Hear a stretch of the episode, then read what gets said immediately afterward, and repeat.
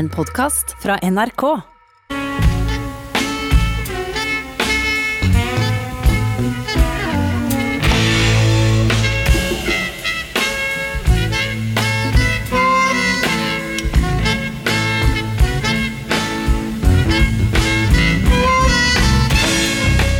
Året var i 1981, og Miles Davis var 54 år gammel.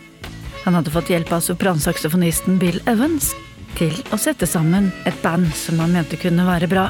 Og den første turneen gjorde kjempesuksess blant publikum. Miles Davis var tilbake etter fem år med dårlig helse og rusmisbruk. Men plateselskapet CBS hadde liten tro på at Miles Davis skulle holde særlig lenge, så de tok opp alle konsertene. Dette resulterte i dobbeltalbumet og det eneste livealbumet etter comebacket, We Want Miles. Gitarist Mike Stern husker det som den beste perioden og full match mellom musikerne. you know, We Want Miles was really uh, special for me. That was just that was that band, and that was a long. We were just jamming, and and and, and the band that he put together, uh, you know, it was really interesting. Like Marcus Miller playing, who's coming more from funk, you know, but he can swing his ass off, and and Al was coming more from bebop, but they had already played together. Al Foster, so it was so cool. It's such a great combination. So they're so creative together, those cats.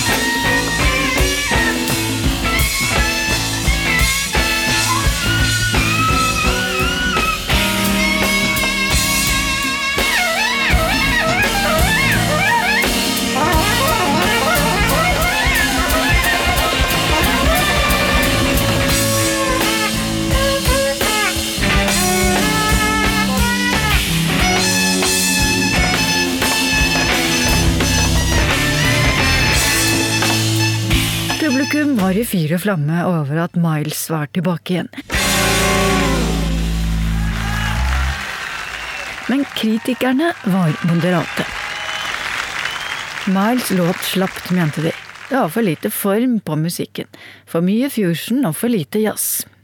Turen gikk videre til Newport Jazz Festival i juni 1981, og på høstparten var det Japan. På denne tiden ble også studioalbumet The Man With The Horn sluppet, året etter kom albumet fra konsertserien We Want Miles. De solgte bra, men kritikerne var i stor grad negative. Hvor var det blitt av jazz-yndlingen deres? Utgivelsene We Want Miles og The Man With The Horn kunne trygt plasseres nederst på handlelisten, var konklusjonen i Penguins guide til jazz. Bill Evans mener kritikerne uttalte seg på feil grunnlag. But he was never a virtuoso, really. You know, he wasn't one of those guys that had tons and tons of trumpet chops. That was never his thing. His sound was his thing. He had some in, in, the beginning, he had some, but he was never, that was never what he was about. Det handlet jo om lyd, ikke om spesielle jazzformer. Bill Evans, som den gang var i begynnelsen av 20-åra og daglig hang rundt med Miles i årene etter comebacket, var overrasket over hvor sterke oppfatninger folk hadde om hva og hvem Miles Davis skulle være. It still baffles me as far as how important this was to everybody. It's amazing to me. It really still is a phenomenon. Yeah. But then wasn't that a phenomenon to you yourself? I mean, Them no, because I got to know him and the music and how he thought. And it was a great experience um, because it's my first experience. But I realized that uh, what, what it taught me was to be myself, not to be like him, to be myself. and trust in my own instincts, which is why I did all kinds of different music in my own thing. Miles always used to say, we're, we're similar in our instincts. We go and believe in our instincts. And he always said, believe in your instincts. It's very important because they'll usually be right, regardless of how hard they are. And I always have, and that's kind of what he did. Det gjaldt å tro på instinktene sine, og Miles var for mange år siden blitt trøtt av kritikere. Nå støttet han de nye musikerne i bandet sitt, som følte kritikken var vanskelig å håndtere, husker Mike Stern. He he said it wasn't the first time that it happened, you know, and he also saw it happen with John Coltrane and a whole bunch of other people, you know, and he just didn't didn't bother him. You know what I mean? It bothered me more than him because I was new to all this world of all of a sudden being in this situation. And Miles just said, you know, they don't know what they're talking about. You just listen to me. You're playing your ass off. You know, he was really supportive. And, and, and But do you feel that he was also taking care of you somehow, as a relative or something? I kind of felt that very much. That's really amazing you said that because one time Cicely uh, Tyson was was you know me and Bill Evans were up there at, after the f- gig at Avery Fisher and we went up there and we listened to the tape and said Miles skriver det i biografien sin, og Cicely Tyson, som snart skulle bli hans kone, sa det samme. De var som en liten familie, forteller Mike Stern, da han og Bill Evans satt i annen etasje hjemme hos Miles og hørte på opptakene etter turneen. sounded really good. The tape that we heard, because that was the record, part of the record that we heard. And Cicely said, you know, this is like his, this is like his new family. She said, Miles' new family. You guys are like his new family. So it was really kind of sweet. But I mean, Miles wasn't, you know, he didn't get into that kind of stuff too much. The fuck you talk about or something? he didn't say that though. He just kind of, but it was some of that. Really, he he used to take people in in a way but anyway, it was a, it was su- such a uh, an amazing experience to play with him. That's for sure.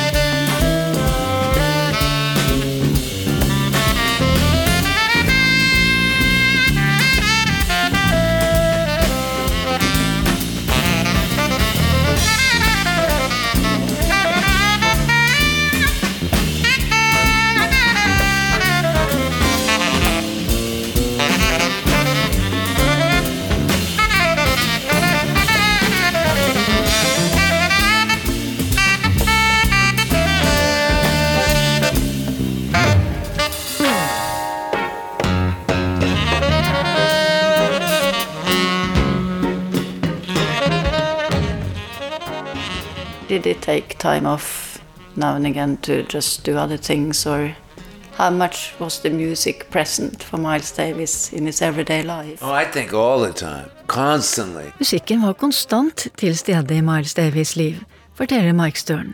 Ja, han ble rett og slett deprimert når han ikke drev med musikk. I think he got kind of depressed. He said he was really bored when he when he um, wasn't playing. But I think he was more depressed. I mean, I think he needed the music like most of us do. Mm. You know, it's such a great thing. I think everybody should. I think it's almost like it should be a prerequisite. You know, they should.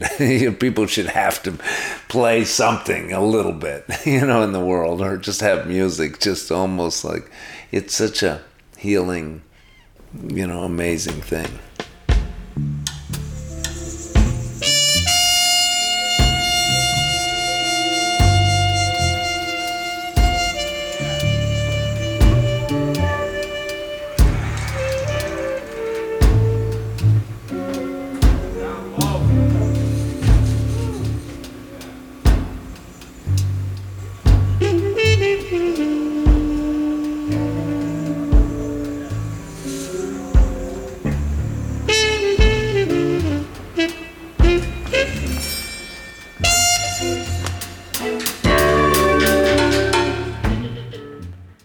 Miles Davis skriver biografien sin at han er trist på en del jazzmusikeres vegne.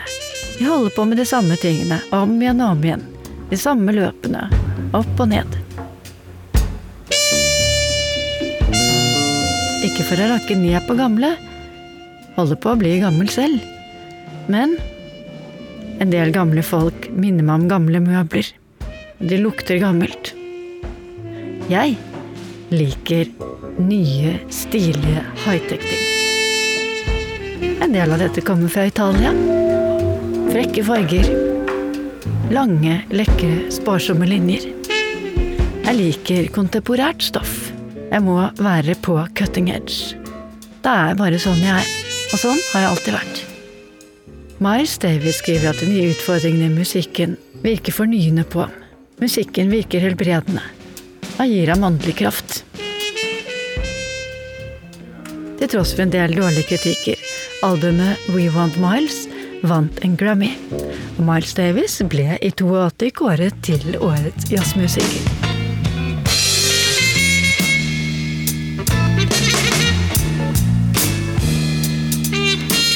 Mot slutten av 1982 gikk bandet i studio og spilte inn Star People. Og Mike Stern hadde sin siste tid i bandet som gitarist for denne gang. Men det hadde lite med oppvaskmaskinen å gjøre, så Miles Davies beordret ham å sette i gang. Men som tilsynelatende ingen av dem visste hvordan de skulle traktere, innrømmer Mike nå i ettertid. I went to Malibu to record where he was living, and he cooked me some dinner and uh, you know like chicken with hot sauce. And he says, "Okay, I, I cooked you dinner. Now you do the dishes." So I threw the di- dishes in the dishwasher, and I put too much soap in there. And, and the soap was running out of the dishwasher like crazy, and and I said, Miles, what are we gonna? What's happening, man? What's happening with your, with your dishwasher? You know, it's um, it's it's flooding the whole place. And he looked at it, and I said, "How do we fix it?" He looked at it, and he, looked at me, he looked at the dishwasher, and he said, "Fat time." Well, at that point, he was calling me Time because I lost a lot of weight. So he, he said, "Time, ask me about a chord or something, you know, or a scale." He looked at it, and then we just split. Like the shit was bubbling all out. We just left it. Yeah, he was a trip. Man, funny guy, and really uh, could be really sweet.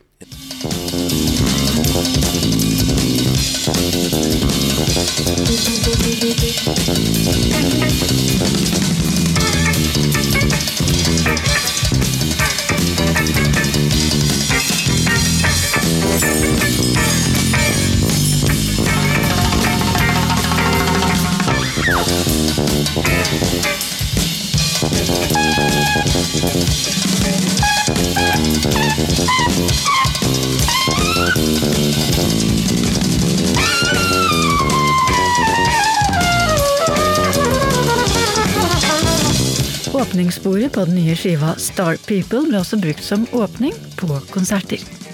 I mai 1982 dro de på europaturné, selv om Miles strevde med ettervirkninger av slag og lungebetennelse. Noe de prøvde å holde skjult for offentligheten. Mike forteller hvor mye kraft Miles Davis hadde, til tross for alle plagene. Miles had all kinds of stuff wrong with him, a lot. At one point, he had pneumonia, and he was still playing, and um, he was dealing with it in a strong way, you know. And uh, and he got he he got sober enough, especially after he had this little stroke. He had a minor stroke. It didn't really stop him for very long, and but he had to cool out. He couldn't drink anymore. He couldn't uh, do certain stuff that he was doing, you know he he could take his pain pills and that was it. Mm. So he was pretty remarkable in that regard. And uh, he's a real real strong guy. Miles Davis hadde fått streng beskjed av akupunktøren sin om verken å ta rusmidler eller å ha sex. Mike Stern slet også med et rusproblem, som begynte å bli en slitasje i bandet. Miles gjenkjente problemene, forteller Mike Stern, og tilbød seg å betale for et rehabiliteringsopphold.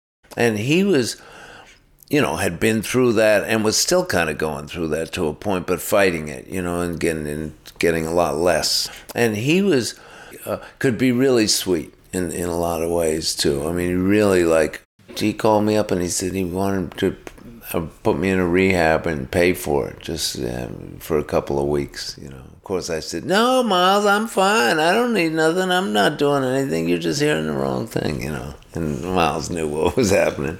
He said, Don't try to fool an old pro.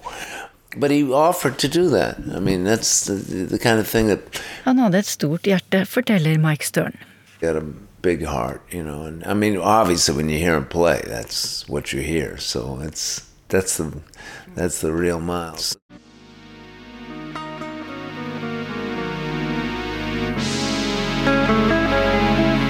Star People var en av de siste låtene Mike Stern fikk gleden av å ha en lang solo på. En låt der også Miles selv skal ha sagt at han var veldig godt fornøyd med sin solo.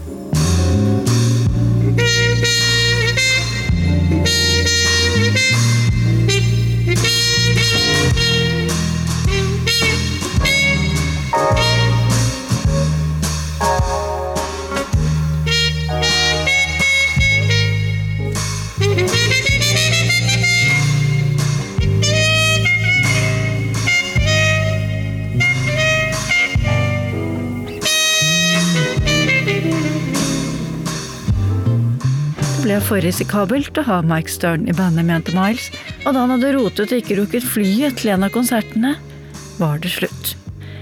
Og ba igjen sin gode venn og saksofonist Bill Evans om å finne en ny gitarist. Ting foregikk i raskt tempo og på sedvanlig vis ved å følge instinktene, så å si. Miles kontaktet altså Bill Evans og ba om hjelp til å finne en ny gitarist. Slik beskriver Bill Evans selv situasjonen. When we were in Columbus, Ohio, Miles called me in the afternoon and said Mike Stern was doing a lot of drugs and he wasn't sure if Mike was going to just die one day and he wasn't going to have a guitar player for a gig. So he called me up on the house phone of the, of the theater we're playing and said, Get me a guitar player for tonight. I said, Okay. And I called John. And that's how John got in the band. Skaff en gitarist for kvelden, hadde Miles sagt, og Bill Evans hadde altså så kontaktet John Schofield, som var positiv. Miles hadde ikke hørt ham før, så de dro av sted på en klubbkonsert der John Schofield spilte. Me and Miles had gone down to hear Dave Liebman's group that John was in, but Miles never got a chance to hear him because Miles was backstage with Chaka Khan the whole time for like a half hour. He didn't hear one note of music. Men Miles hørte ingenting der heller, forteller Bill Evans. Han tilbrakte i stedet tiden backstage sammen med Chaka Khan. Han var ferdig med det, ville han bare dra hjem igjen. And then when he came out, he said, "Let's go." And I wanted to hear the band. I said, "You want to?" He said, "Let's go." So we, uh, we left, and so he he never had a chance to hear it. So that's not how Miles heard John. He never heard John until he showed up at the gig in Ohio.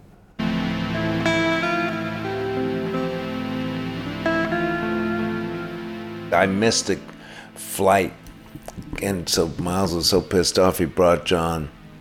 You missed the flight. I missed a flight. I was missing gigs at that point. I was so fucked up. So he was pissed off at me. So he brought John in. I thought John should have had the gig in the first place. Mike Stern forsto altså situasjonen, og nå skulle det altså være to gitarister i bandet for en periode. Selv om Mike eh, egentlig syntes at eh, John Schofield kunne få tatt eh, gigen alene. Because John was already in New York, you know, and I was in Boston. I just thought that's a natural cat for the gig. Men uh, det ble nå mest til at uh, John Schofield ble sittende der. So, uh, but then we ended up playing together because uh, John play, stayed and he didn't get a chance to play. He was just sitting there, you know, not really getting a chance to play. And Miles had me play a lot. And then gradually John started playing more. And, and Miles, of course, he loved him. And um,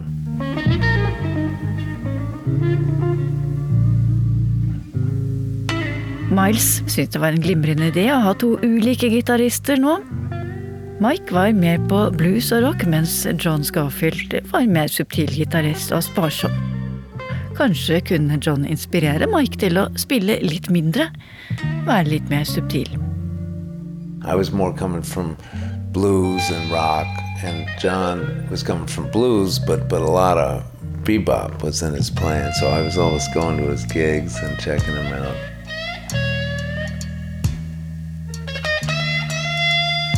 And then we had a ball together. It was very inspiring, you know. And uh, and then Året var 1982, og Mike Stern skulle videre og spille med Jaco Pastorius.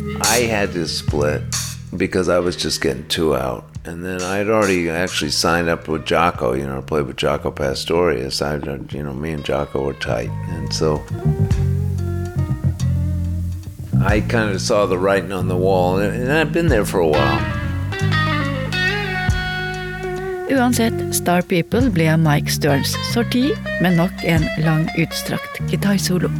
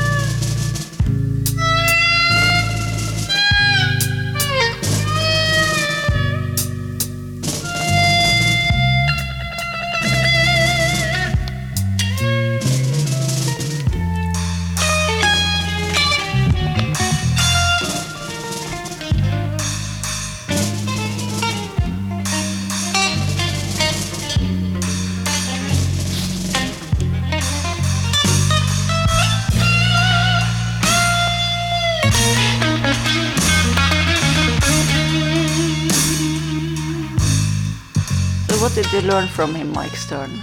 I just playing from the heart, as, as I think uh, I I gotten a chance to, to learn from all these guys that I've been fortunate to play with. You know, like um, Jaco Pastorius or or, or uh, Billy Cobham. You know, lots of energy to keep pushing and keep improving, but also always playing their hearts out. You know, especially on the gig. Man, Miles was just a champion. Mike Stern lærte masse av å spille med Miles, forteller han. Særlig det å gi alt fra hjertet, å presse på for å søke nye veier. Det å være åpen for nye retninger og implementere dette i musikken.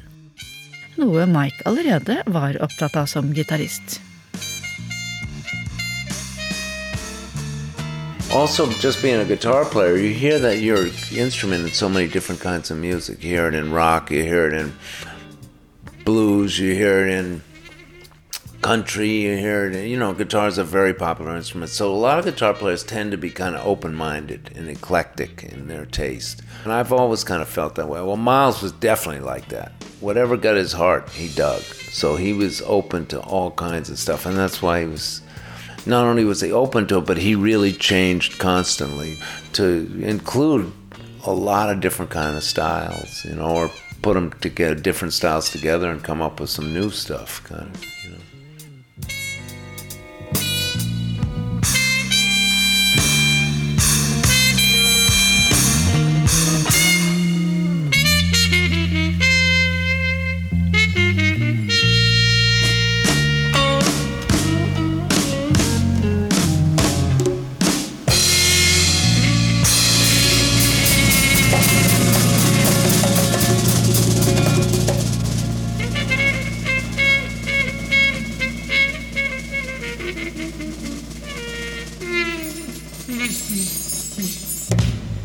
hørt utgangen av Star People fra albumet av samme navn.